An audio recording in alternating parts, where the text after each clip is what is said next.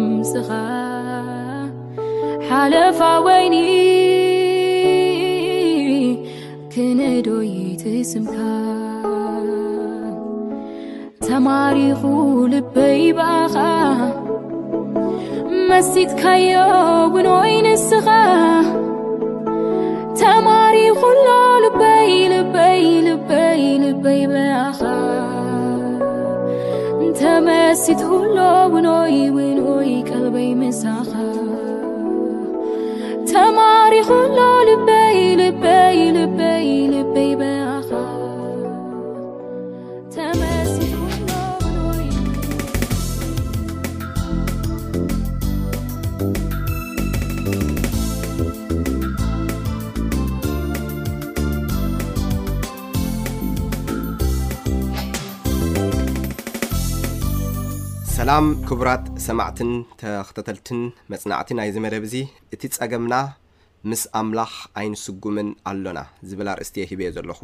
ናይ ብሓቂ እግዚኣብሄር ኣምላኽ ንህዝቡ ክመርሖም ከምቲ ንደቂ እስራኤል ካብ ምድሪ ግብጺ ኣውጺኡ ናብታ ምድራዊት ከንኣን ዘእተዎም ዘውረሶም ከምኡ ድማ ሎሚ ኣብዚ ዘመን እዚ ጎይታ ንህዝቡ ካብዛ ዓለም እዚኣ ካብዛ ናይ ግብጺ መልክዕ ሒዛ ዘላ ዓለም ኣውጺኡ መሪሑ ናብታ ሰማያዊት ከንኣን ከውርሶም እዩ ዝደሊ ዘሎ።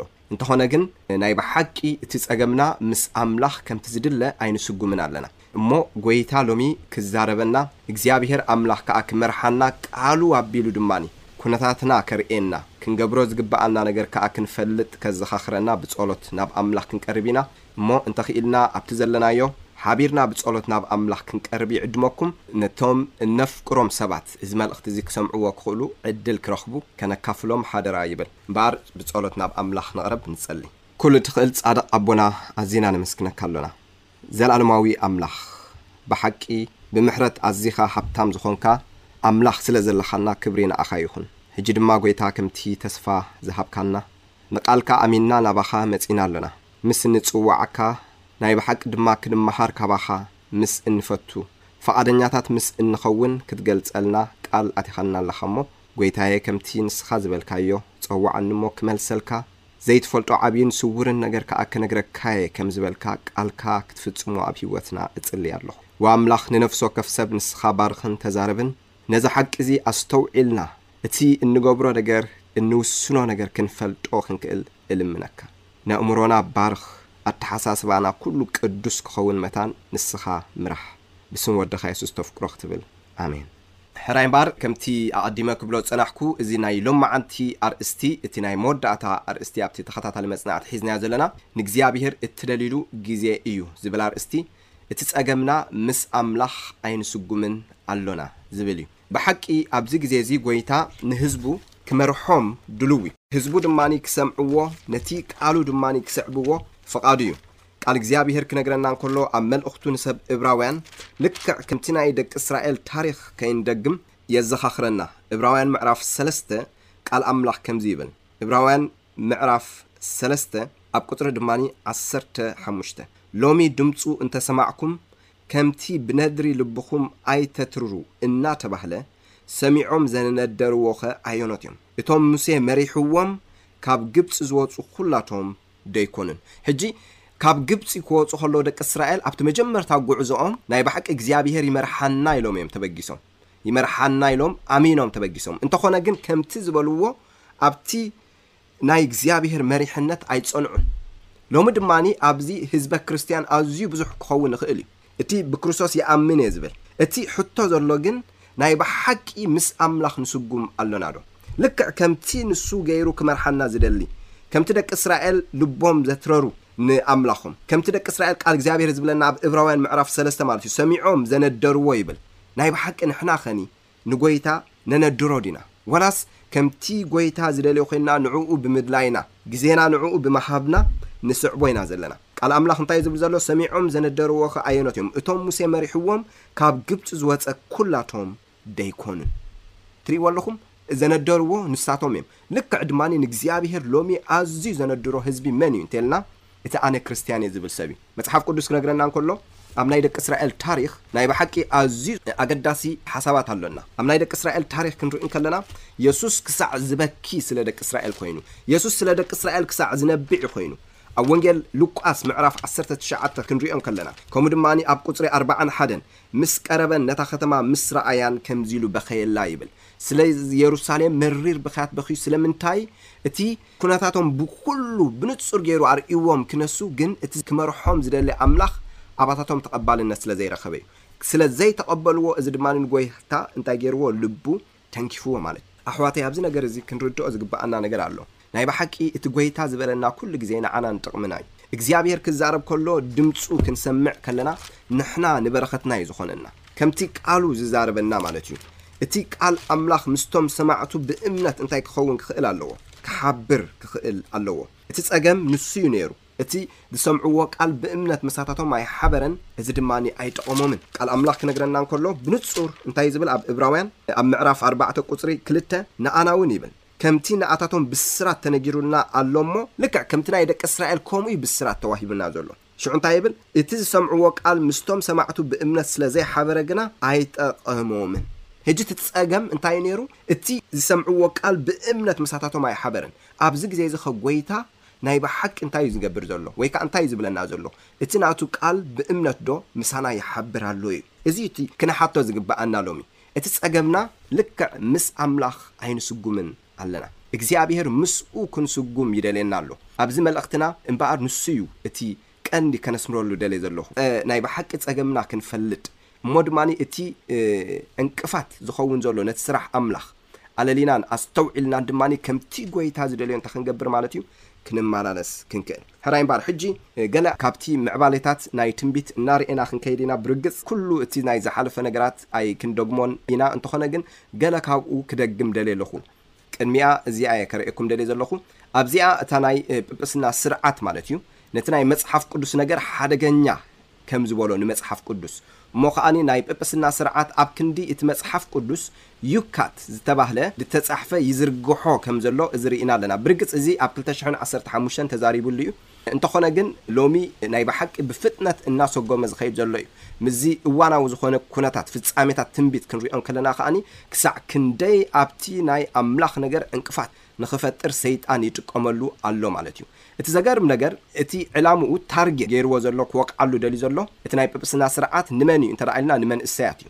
ሕጂ ኣብቲ ናይ መጽሓፍ ኣብዚ ናይ መጽሓፍ ዩካት ዝተባህለ ሓደ ካብቲ ጠቒስናዮ ዝነበርና ማለት እዩ እንታይ እዩ እንተ ኢልና ኣንጻር ፍጥረት ዝዛረብ እዩ ኣንጻር ኦሪት ዘፍጥረት። ሕጂ ኣብ ኦሪት ዘፍጥረት ዘሎ ናይ ፍጥረት ዛንታሲ ነቲ ናይ ኣምላኽ ኣሰራርሓ ከም ዘይውክል ገይሩ እዩ ዘቕርቦ።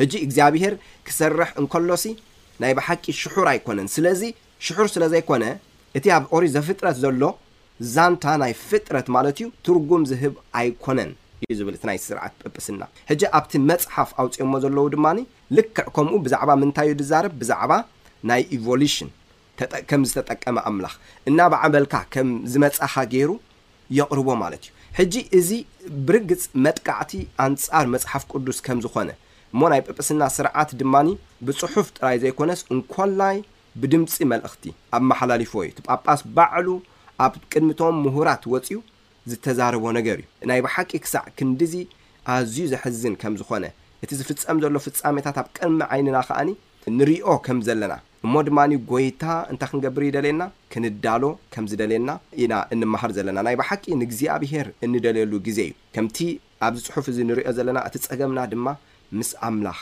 ኣይንስጉምን ኣለና። ኣሕዋተይን ኣሓተይን እምበኣር እቲ ናይ ጵጵስና ስርዓት ካብ ዝገበሮ ገለ ምዕባሌታት ክንርኢ ኢና ሕጂ። ኣብዚ ትንቢት እዚ ክንርኢ እንከለና መጽሓፍ ቅዱስ ከምቲ ኣቐዲሙ ዝብለና ኣብዚ መወዳእታ ዘበን እዚ እቲ ጸረ ክርስቶስ ኣበርቲዑ እንታይ ክገብር እዩ ክሰርሕ እዩ እቲ ቀንዲ ዕላማ ድሰርሖ ድማ ንቃል እግዚኣብሄር እንታይ ክገብሮ እዩ ከጥፍኦ እዩ እቲ ቀንዲ ነገር ድሰርሓሉ ማለት እዩ ሕጂ ኣብዚ ነገር እዚ ከነስተውዕሎ ዘለና ግን ሰባት ማለት እዩ ብዘየገድስ ሰባት ነቲ ብሩህ ዝኾነ ዘይተሓላለኸ ትርጉም ናይተን ቅዱሳት ጽሑፋት ክሓብእዎ ከምኡውን ምስቲ ናይ ባዕሉ ምስክራት ከገራጭዉ ክፍትኑ ጻዕርታቶም ኣይሰልከየን። እዚ ልክዕ ነገር እዩ። እንተኾነ ግና ከምታ ኣብ ልዕሊ እቲ ዓሚቕ ማዕበል ባሕሪ ዝነበረት መርከብ ኖህ ከምኡ ቃል ኣምላኽ ነቶም ንእኡ ንምጥፋእ ኢሎም ዘፈራርህዎ ማዕበላት በሊጽዎም ይሓልፍ። ትርእይዎ ኣለኹም? ከምታ ኣብ ልዕሊ እቲ ዓሚቕ ማዕበል ባሕሪ ዝነበረት መርከብ ኖህ ከምኡ ቃል ኣምላኽ ነቶም ንእኡ ንምጥፋእ ኢሎም ዘፈራርህዎ ማዕበላት በሊጽዎም ይሓልፍ። ልዕሊ ኩሎም እዩ ቃል እግዚኣብሄር ኣምላኽ። እቲ ዝገርም ነገር ቃል ኣምላኽ ሓንሳእ እንተ ተዛሪቡ ኣብኡ ከሎ እዩ ዝፍጸም። ጐይታ እታ ቃል ሓንቲ ቃል ናይ ጐይታ የሱስ ክርስቶስ ንኹሉ እቲ ፍልጠት ናይቶም ፈላጣት ኢና ዝብሉ ዘፍርስ እዩ። ሓንቲ ቃል ኣምላኽ ንሕሰባ። ጐይታ ይኹን እንተኢሉ ዝኸውን እዩ።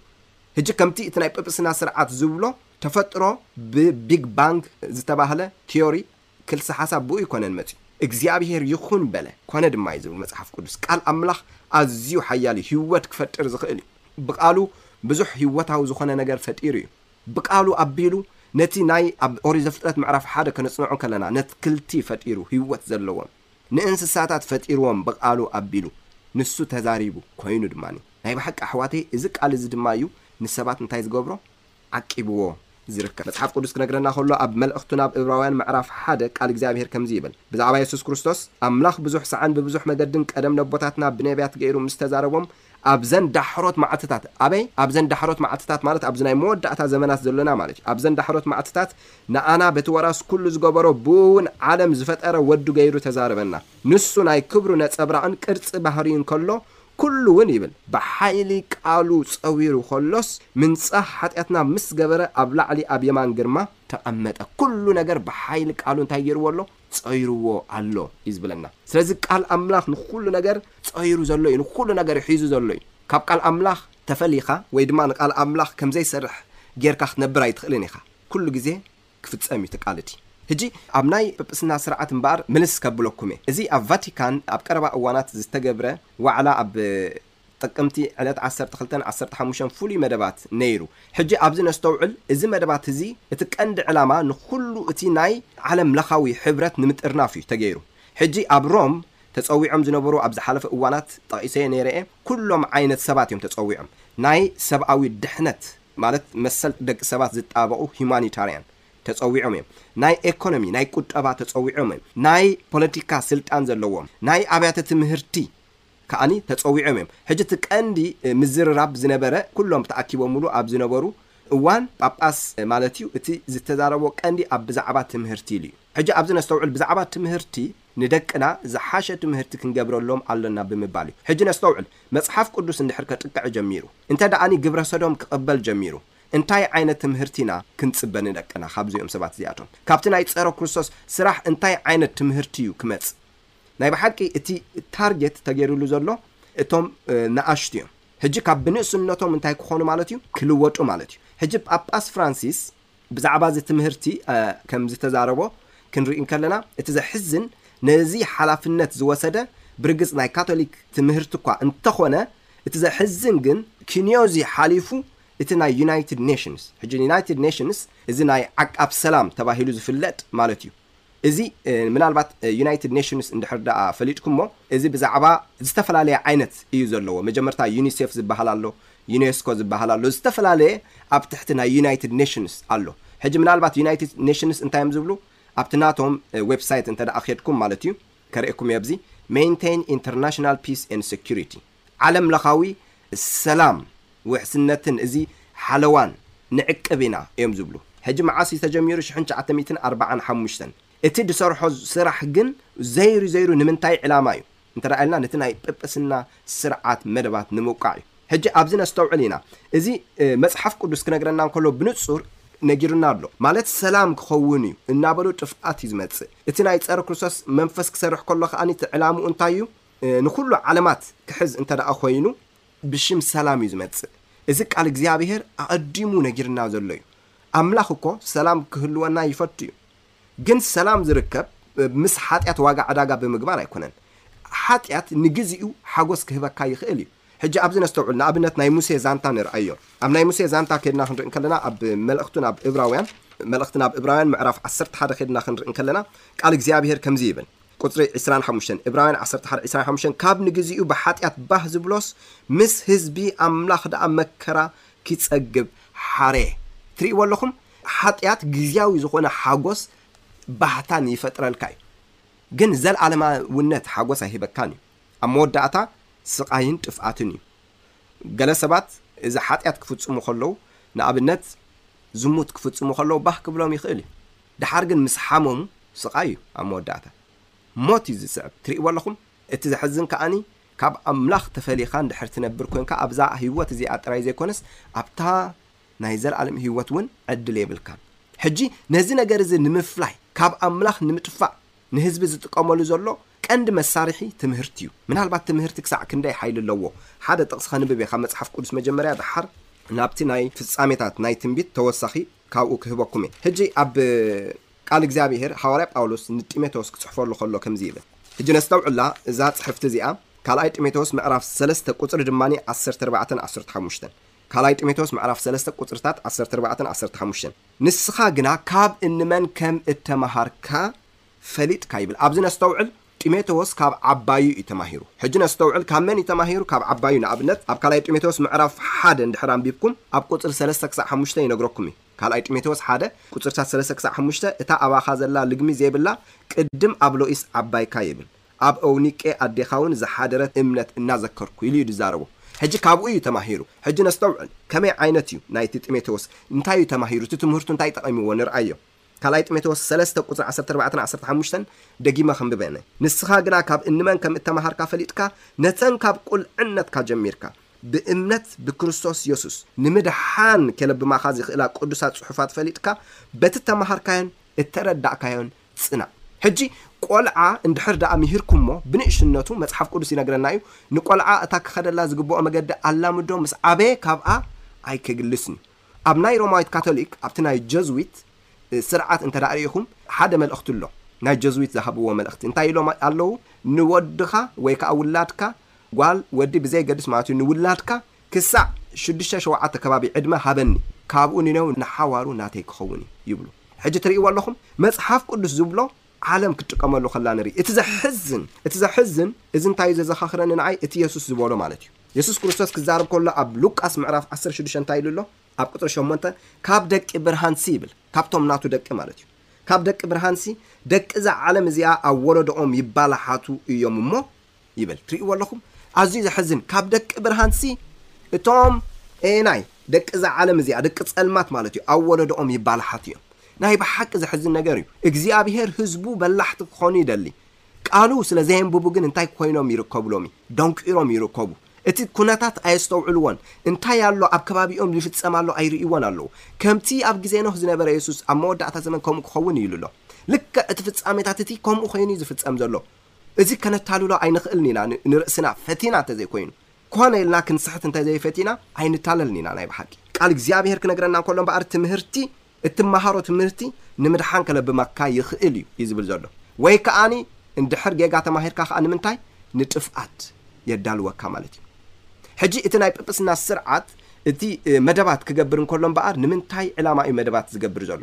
እዚ ኩሉ መደባት እዚ ብናይ UN ኣቢሉ ዝሓልፍ ዘሎ ኣብ መወዳእታ ንምንታይ ማለት እዩ እቲ ናይ ቫቲካን ስርዓት ንዓለም ንምቁጽጻር ማለት እዩ እቲ ዘሕዝን ሕጂ እቲ ናይ UN ነቲ ናይ ቅዱስ ኣቦ ኢሎም እዮም ዝጽውዕዎ ቅዱስ ዝበሃል መን እዩ መጽሓፍ ቅዱስ ክነግረና ከሎ እግዚኣብሄር ቅዱስ እዩ ቅዱስ ቅዱስ ቅዱስ እናበሉ ዝሰግድሉ እዮም እቲ ዘሕዝን እቲ ጳጳስ እንታይ ተባሂሉ ይጽዋዕ ቅዱስ ኣቦ ብጣዕሚ እዚ ንባዕሉ እቲ ቃል ቅኑዕ ኣይኮነን ብጀካ ንሰማያዊ ኣቦና ብፍላይ ከኣ ኣብዚ ክንሪኦ እንከለና ካፒታል ኤች ካፒታል ኤፍ እዚ ኣብቲ ናይ ቫቲካን ማለት እዩ ሕጂ እቲ ንሱ ዝተዛረቦ ብዛዕባ ትምህርቲ መን እዩ ዝርጎሖ ኣሎ ዩናይትድ ኔሽንስ ዩናይትድ ኔሽንስ ከኣ ከምዚ ዝበልናዮ እንታይ እዩ ንዓለም ለኻዊ እንታይ ዝገብር ዝገብር እዩ ዝጥርንፍ እዩ ብዛዕባ ሰላም እናበለ እዩ ዝመጽእ ከምቲ መጽሓፍ ቅዱስ ዝብለና ሰላም ክብሉ ከለዉ ንጥንስቲ ቅልውላው ከም ዝሕዛ ከምኡ ጥፍኣት ብድንገት ይመጾም ይብል። ናይ ብሓቂ ሰይጣን ነቲ ሜላታት ይጥቀመሉ እዩ ዘሎ። እግዚኣብሄር ክነግረና ከሎ ልክዕ ኣብ ግዜ ነብዪ ኤርምያስ ከምኡ ከም ዝነበረ እዩ ዝዛረብ።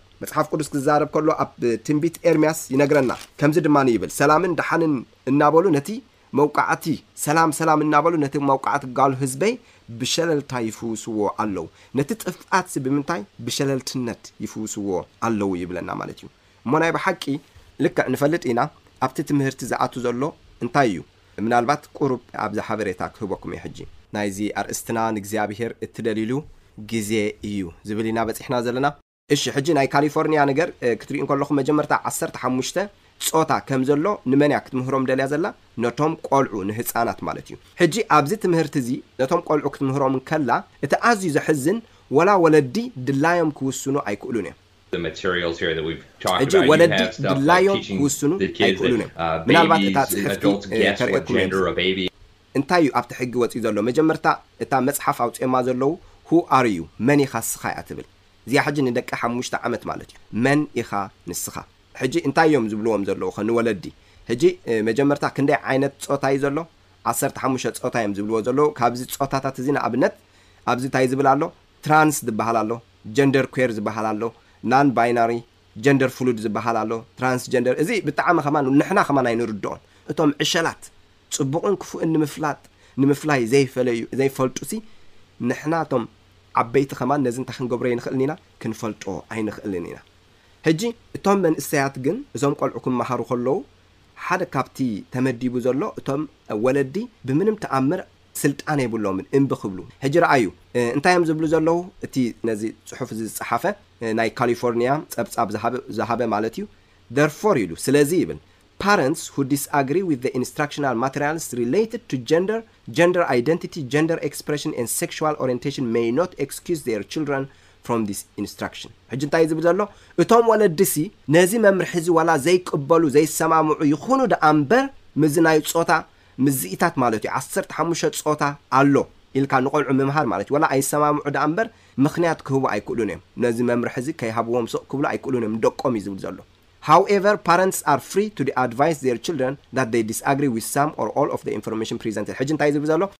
እንተኾነ ግን እቶም ወለዲ መጀመርታ ክምህርዎም ኣለዎም። ክምህርዎም ከለዉ ግን ን ኣነ ምስዚ ኣይሰማማዕን እየ ክብልዎም ይኽእሉ እዮም እዩ ዝብል ዘሎ።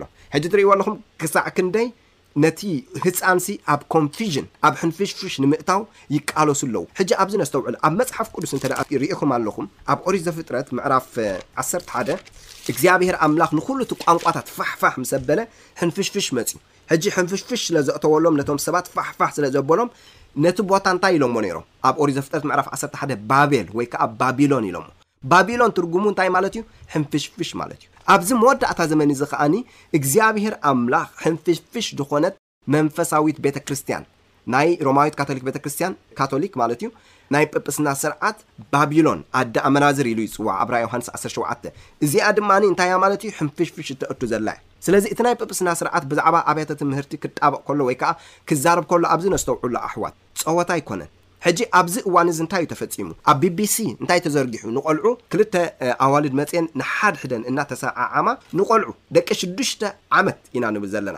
እንታይ ገይሮምሎም ክርእዩ ግቡእ እዩ እዚ ክመሃሩ ኣለዎም ኢሎም ይምህርዎም ኣለዉ። ልክዕ እዚ ነገር እዚ እናኾነ ከሎ ጳጳስ ከኣ እንታይ ኢሉ ግብረ ሶዶም ትኽክል ኢሉ። እዚ ነገር እዚ እናኾነ ከሎ ከኣ ዓለምና ተወሳኺ ብዙሕ ነገራት እንታይ ትገብር ኣላ ኣብዚ ነገር እዚ ንህጻናት ንምሓዝ ማለት እዩ ዝከኣላ ትገብር ኣላ ማለት እዩ። ኣሕዋት ኣብዚ ነስተውዕል፣ ዲያብሎስ በዚ ነገር እዚ ኣይዓረፈን። ኣብ ኩለን ሃገራት እዩ እዚ ነገር እዚ ዝፍጸም ዘሎ። ንደቅና ንምቁጽጻር ዝግበር ዘሎ ማለት እዩ። ንኣብነት ኣብ ፈረንሳ ክወስደኩም እየ። ኣብ ፈረንሳ ኣብዚ ቀረባ እዋናት ሕጊ ዝሓለፈ ኣሎ።